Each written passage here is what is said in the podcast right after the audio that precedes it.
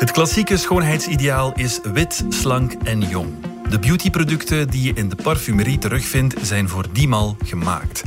Maar stilaan heeft de beautysector meer oog voor diversiteit. Voor lichamen in alle kleuren en maten. Hoe komt het dat dat zo lang geduurd heeft? Het is vrijdag 7 mei. Ik ben Niels de Keukelare en dit is vandaag de dagelijkse podcast van de Standaard.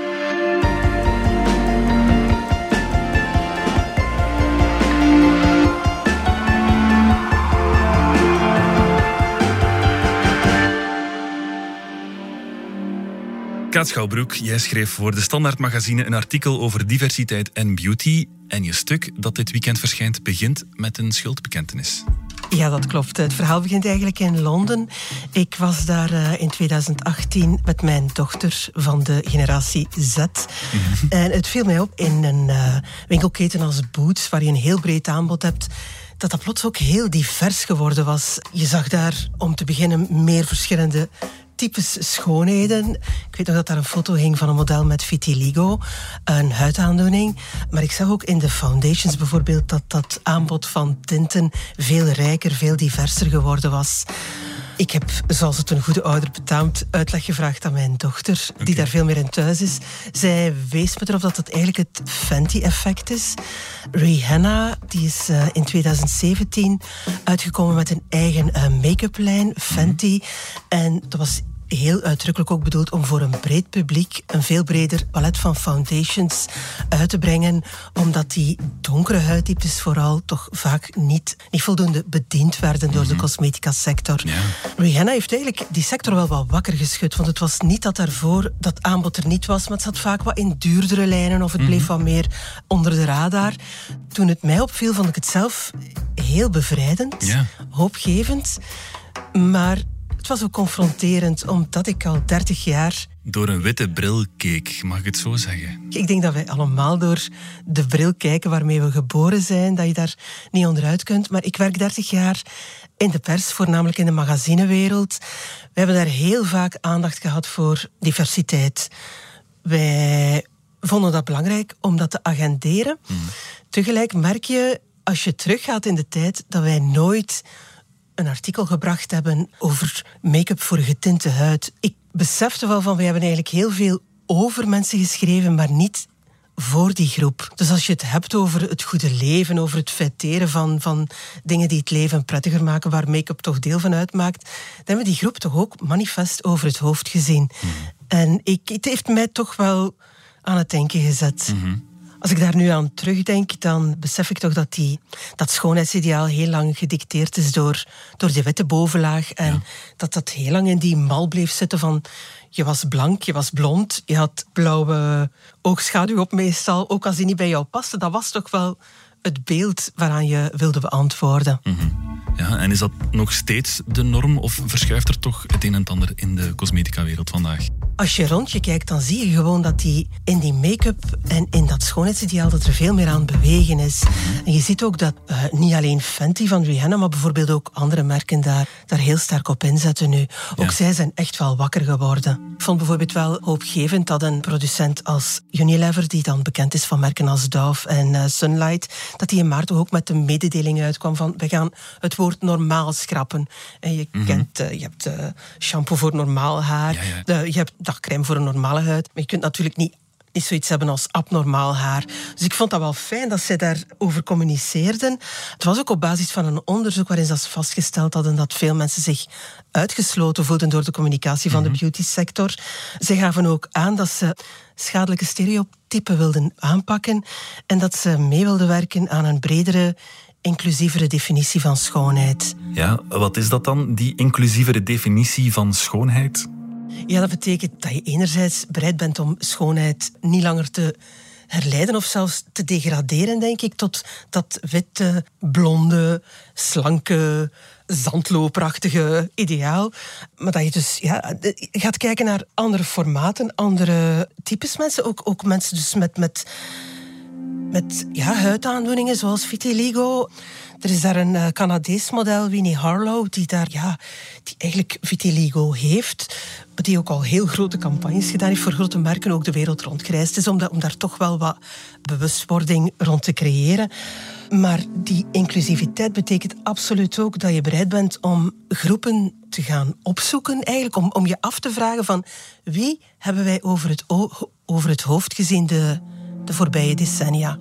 Het gaat eigenlijk over mensen die buiten de mal vallen. En de mal, dat is eigenlijk dat oude schoonheidsideaal waar we zo lang onder geleden hebben, toch wel. En dat betekent dus ook dat je aandacht hebt voor mensen met een handicap, dat je ja, aandacht hebt voor mensen met, met huidaandoeningen, uh, dat ook mensen uit LGBTQ-gemeenschap recht hebben op, op zichtbaarheid. Ook Jong Vierens heeft zich als Vlaamse vrouw met Aziatische roots lang uitgesloten gevoeld door de schoonheidsindustrie. Ik ben Jong Vierens, 44 jaar en ik werk intussen al bijna 22 jaar als hair- en make-up artist.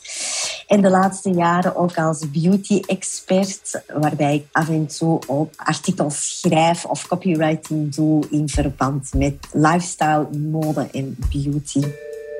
Diversiteit is voor mij zeer belangrijk, waarschijnlijk ook omdat ik zelf van Zuid-Koreaanse afkomst ben. Dus ook als niet-blanke ben opgegroeid in een overwegend blanke maatschappij. Dus ja, ik ben zelf ook altijd van jongs af aan geconfronteerd geweest met het anders zijn, met het gekleurd zijn, het niet blank zijn. En uiteraard, ja, dan kom je ook als visagist uh, automatisch uit op de beperkingen die er tot nu toe altijd geweest zijn in de cosmetische industrie. Een Aziatische huid bijvoorbeeld heeft een neiging om donkere pigmentvlekken te maken op plekken waar bij andere mensen een uh, bijna onzichtbaar littekentje overblijft na een kwetsuren of een huidletsel.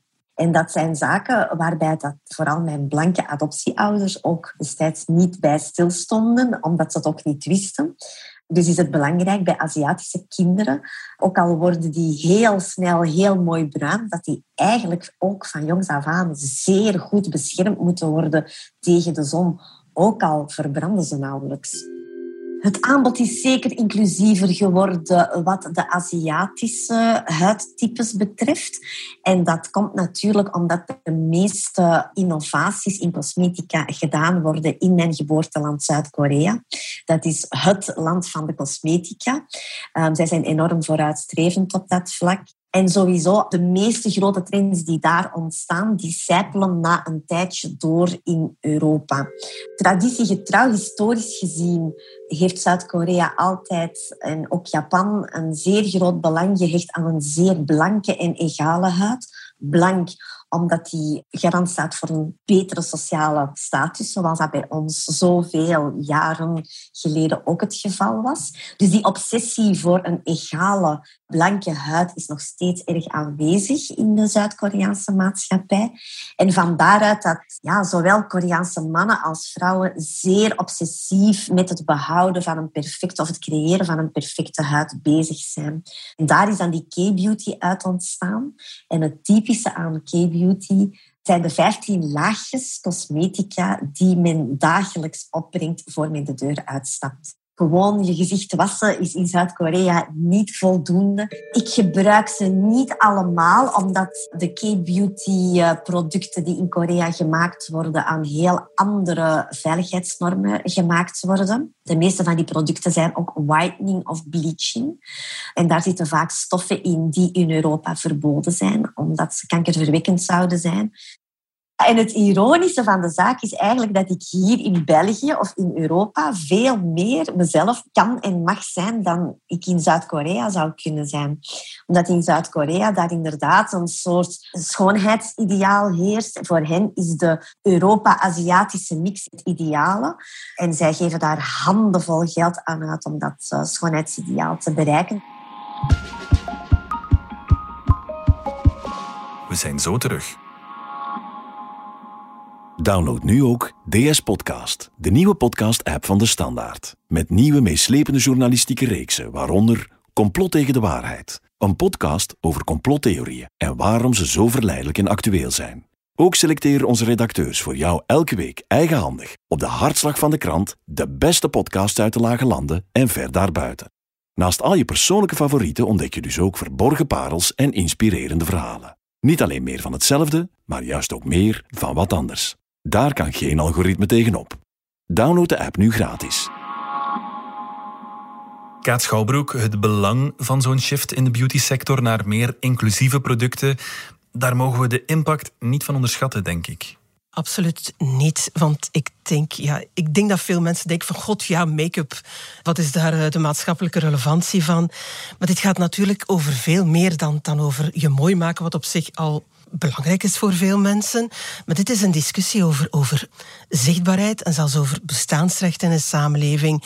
Het gaat niet zomaar over een kleurtje foundation als je de hele tijd in winkels het gevoel hebt dat wie jij bent daar helemaal niet vertegenwoordigd is, dan doet dat ook iets met jouw mhm. identiteit en met jouw zelfvertrouwen.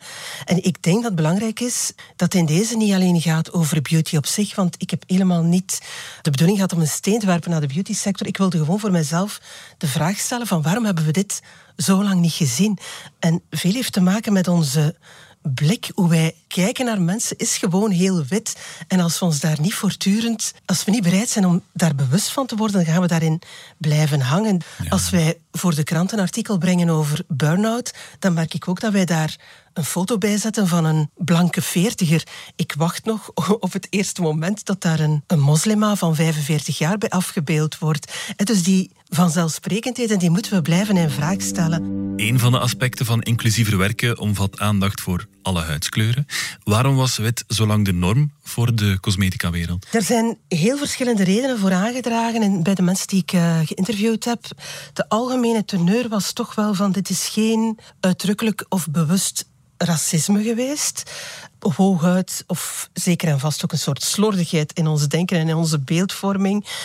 Maar het is natuurlijk ook economisch gezien een, een belangrijke sector. Er gaat veel geld in rond. Eh, tegelijk is dat een vrij conservatieve sector, gewoon omdat het, ja, omdat het gewicht van je beslissingen daar een grote draagkracht heeft. Mm -hmm. als je bijvoorbeeld beslist, we brengen uh, make-up uit voor uh, mannen, dan is dat niet één creatieveling die achter zijn bureau eventjes met de vingers knipt van dat lijkt mij een tof idee, mhm. dan, uh, ja, dan moet dat naar de hogere regionen binnen het bedrijf en zo'n beslissing is even onderweg. Tegelijk, bijvoorbeeld uh, Noélie Michaud, dat is een Française die, die met een nieuw cosmetica werk voor de donkere huid naar buiten gekomen is in november. Ze zegt van ja, dat economische betekent ook dat, dat we vaak de mensen met de donkere huidtypes waren eigenlijk in het Westen dan vaak mensen uit migrantengemeenschappen. En men is er te lang van uitgegaan van die gaan wel het geld niet hebben. Dus zij zei zelf van ik, ik, ik was dan wel, ja veroordeeld om, om mij te richten tot grootmoedersgeheimen of het Franse equivalent van de Matonge-wijk te stappen uh, om mijn beautyproducten te vinden. Terwijl ze zei van ja, ik had wel het geld ik wilde ook die ervaring, want het gaat niet alleen om het product dat werkt, het gaat ook mhm. om de ervaring van cosmetica, die altijd een beetje verwennerij is, die, die, ja, die, die hoort bij momenten uh, waarop je jezelf iets gunt. Ze zei van, dat, dat was er gewoon niet voor ons. Mm Waarschijnlijk ook, zei ze, omdat binnen de grote cosmetica-merken mensen die aan de top zitten nog vaak niet mensen van kleur zijn. En het is heel moeilijk om producten te maken voor een groep die je eigenlijk niet kent. Ze heeft mij ook verteld op het moment dat zij zelf verzorgingsproducten wilde maken, omdat ze merkte dat die er niet waren, heeft ze mij verteld van ja, ik, ik ging dan naar labels op zoek om dat product te ontwikkelen. Maar in die labels zeiden ze ook van ja, hm, zwarte huid, dat doen we eigenlijk niet. We hebben dat niet, maar we hebben hier een vaste formule. En als je daar wat karité-boter of zo aan toevoegt, dan komt dat wel in orde. Terwijl dat zij zei van ja, maar ik wilde net een product voor de zwarte huid, omdat die huid specifieke eisen heeft. Ze zei van er was ook dermatologisch onderzoek dat was nauwelijks verricht naar dit type huid. Mhm. De ingrediënten werden nauwelijks gemaakt voor dit type huid. Dus het, het, het gaat veel breder en mhm. dieper dan alleen maar iemand die in een bureau beslist welke make-up lijn er volgend seizoen op de markt zal komen. Jessica Lourdes Ferreira begon onlangs zijn eigen beautymerk dat ze graag wil uitbreiden met verzorgingsproducten voor vrouwen met een donkere huid. Ik ben uh, Jessica Ferreira. Lourdes is mijn um, tweede naam. Ik ben van origine Angolees. Ik ben 25 jaar oud en ik woon te Poperingen. Als hoofdberoep ben ik resource planner bij Adeco. En in mijn bijberoep ben ik visagiste en heb ik net mijn eigen beautybrand gelanceerd. Make-up kosten en sponsen, die online verkrijgbaar zijn. Ik heb um, mijn opleiding gedaan voor alle huidstypes en voor iedereen eigenlijk. Maar de meeste van mijn klanten zijn wel van Afrikaanse afkomst. Maar ik sta daar sowieso voor open om iedereen op te maken. Toen Jessica een tiener was, vond ze voor haar donkere huid amper geschikte producten in haar buurt. Ik ging dan altijd naar Brussel. We hebben zo een Matongé-wijk waar er allemaal Afrikaanse haarproducten en eh, make-up producten, haarextensions en zo te koop waren. En daar vond je wel dan in een van die winkels sommige make-up producten voor donkere huidskleuren. Maar vroeger kon ik bijna niks in de kruidvat of zo vinden, of zelfs de Ici Paris ook niet. En nu daarentegen wel. Je vindt nu een MAC terug in een IC Paris, een Huda Beauty. Ik ben van Popringen. We hebben hier geen NYX of een MAC. moet dan helemaal tot hand gaan. Maar kijk, nu in Ieper is er wel al veel meer diversiteit. En kan ik gewoon hier een stad verder make-up voor donkere huidtypes kopen. Ja, je voelt je buitengesloten. Hè? Uh, je hebt het gevoel eigenlijk dat je er niet bij hoort. Of dat jij misschien er niet bij past. Je hebt al een andere huidskleur. Je bent al anders dan de anderen.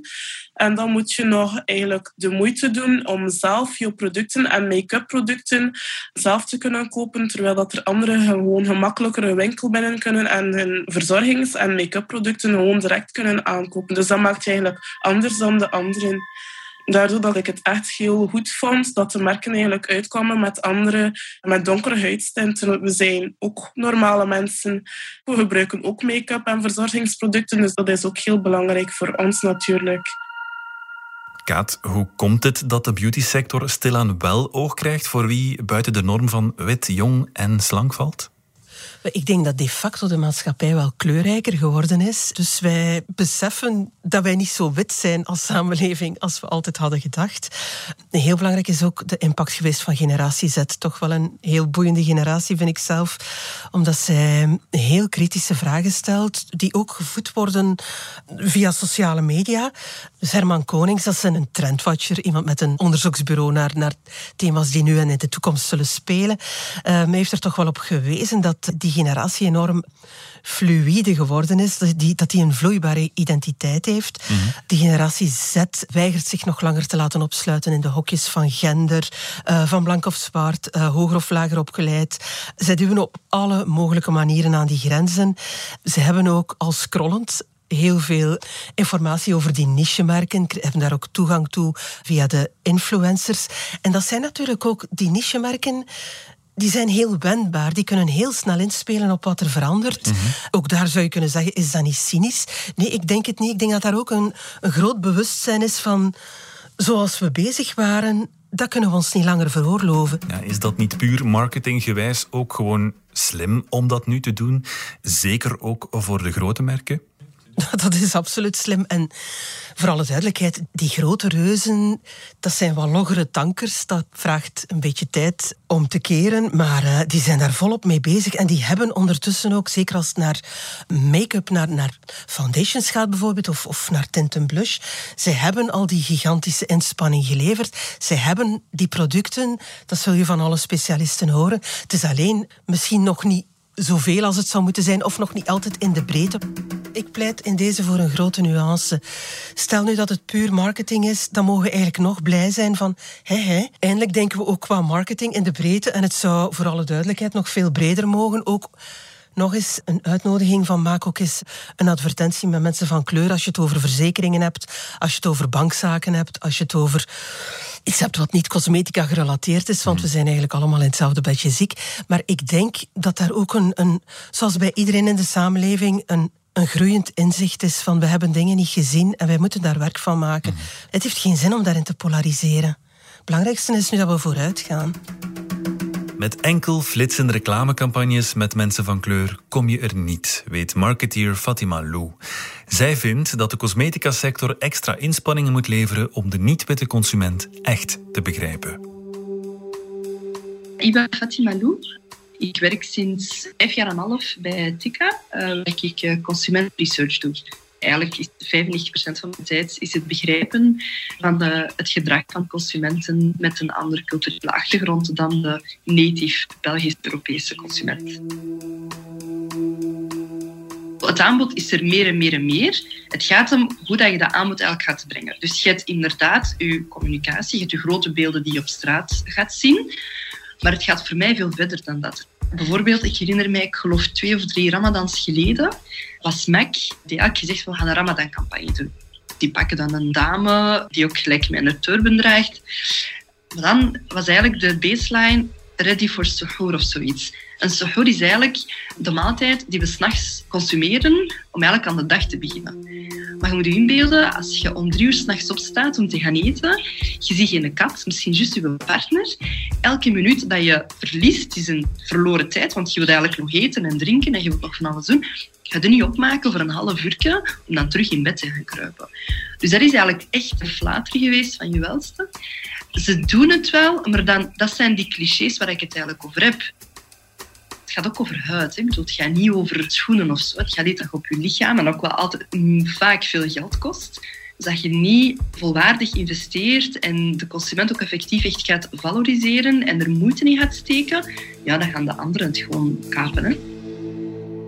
Ook Jong Vierens vindt dat de cosmetica-sector nog een tandje mag bijsteken als het gaat om inclusiviteit. Wat we nu zien is dat de bekende grote cosmetica-merken wel een uitbreiding van hun assortiment voorzien. Maar wat ik eigenlijk nog liever zou hebben, is dat de echte Afrikaanse en Aziatische merken die ontstaan zijn vanuit de Afrikaanse gemeenschap en de Aziatische gemeenschap, dat die ook voet aan wal zouden krijgen hier. Want anders blijft het toch nog altijd zo een typisch blank merk dat van oorsprong en historie blank is en erop gericht is om blanke vrouwen mooi te maken, die dan ook iets zal voorzien voor gekleurde mensen. Terwijl dat er echt wel en eigenlijk al heel lang hele toffe fantastische cosmetica-merken, Afrikaanse merken, Aziatische merken op de markt zijn. In Europa zitten we zowat op het strengste continent ter wereld op vlak van cosmetica. En het is zoals ik daarnet ook zei, ook bij de Afrikaanse merken zie je heel veel producten eh, waar bestanddelen in zitten die hier verboden zijn. En natuurlijk, voor zo'n merk, en vaak zijn dat kleinere onafhankelijke merken, om het gamma aan te passen aan die Europese markt, dat vraagt een enorme investering. En zolang de afzetmarkt hier nogal klein blijft, is dat heel moeilijk te realiseren.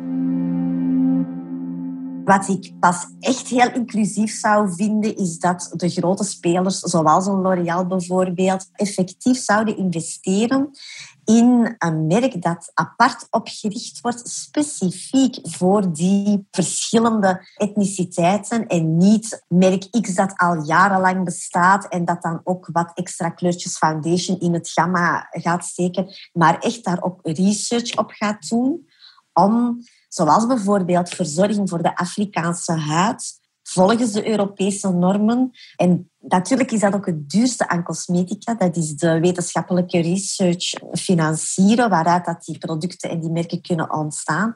Het moment dat zij dat gaan doen, dan weet je dat zij eigenlijk die markt ook echt serieus aan het nemen zijn. Ja, Kaat, als ik het zo hoor, we zijn stilaan aan het loskomen van die witte standaard. Maar we zijn er zeker nog niet helemaal, hè? Het is ook niet interessant om aan die oude normen te blijven vasthangen. Dat is ook iets waar Lisbeth Woertman, dus de, de onderzoekster die lang rond beauty research heeft gedaan, zij zei ook van dat het toch wel waarschijnlijk voor het eerst is in onze geschiedenis dat het schoonheidsideaal door die sociale media van onderuit wordt veranderd. Dat er waarschijnlijk nooit eerder gebeurd is in de geschiedenis. Mhm. Dat is toch wel tof. Ja. Misschien om af te sluiten toch nog even eindigen met Noélie Michaud, die haar eigen labo uit de grond gestampt heeft in samenwerking met Universiteit van Chartres. Ik was eigenlijk heel erg onder de indruk van haar verhaal. En ze zei ook van, kijk, ik wil niet alleen onderzoek doen, ik wil mensen informeren, omdat het zo belangrijk is. En ze was ontzettend hoopvol. Ze zei, we zien nu al die bewegingen van mensen van kleur, van de LGBTQ-gemeenschap en iedereen die maar aan die hokjes zit te duwen. Dat is absoluut niet oppervlakkig. Het geeft mensen kracht, zei ze. Ze voelen zich vrij om zich te tonen zoals ze zijn. En als je die vrijheid hebt, dan bepaalt dat ook wat je kunt bijdragen aan een gemeenschap. Ja, dat zijn mooie woorden om mee af te ronden. Kaat Schouwbroek, dankjewel. Graag gedaan. Dit was vandaag, de nieuwspodcast van De Standaard. Bedankt voor het luisteren. Wil je reageren? Dat kan via podcast.standaard.be. Alle credits vind je op standaard.be-podcast. Zaterdag hoor je een nieuwe aflevering van Buitenbaan op het kanaal van DS Vandaag. Daarin vertellen gewone mensen over hun buitengewoon leven. En zondag is er de tweede aflevering van Complot tegen de Waarheid. Die reeks kan u al integraal beluisteren in onze app DS Podcast. Maandag zijn we er opnieuw met een nieuwe aflevering van Vandaag.